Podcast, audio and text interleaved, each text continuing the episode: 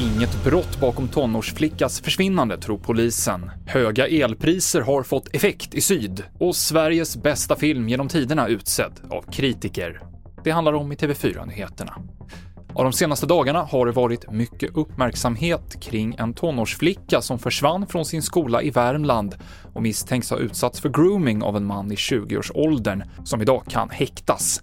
Missing People genomförde igår kväll en sökinsats efter flickan, men polisen säger att man har indikationer på att hon håller sig borta frivilligt. Sen är det ju naturligtvis högst olämpligt att en 14-årig, hon fyller 14 år idag den här flickan, att hon håller sig eh, borta och eh, man som anhörig då inte vet var hon eh, befinner sig någonstans.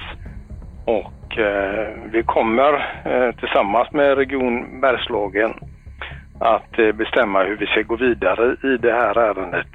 Eh, det är alltid lite lurigt när eh, de självmant vill hålla sig borta. Då. Det sa Thomas Fuxborg på polisen.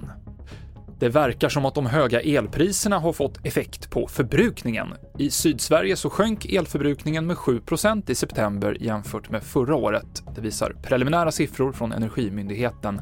Dessutom var september kallare i södra Sverige än i fjol, vilket normalt sett borde ha gjort att förbrukningen ökade.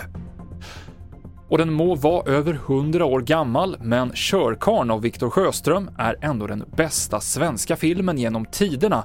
Ja, i alla fall när kritiker och filmvetare får bestämma. Det är tidskriften FLM som rankar och på topp 5 återfinns också En kärlekshistoria och Fucking Åmål.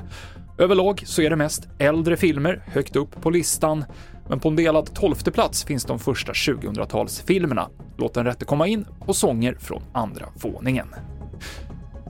Senaste nytt hittar du i appen TV4 Nyheterna. Jag heter Mikael Klintevall.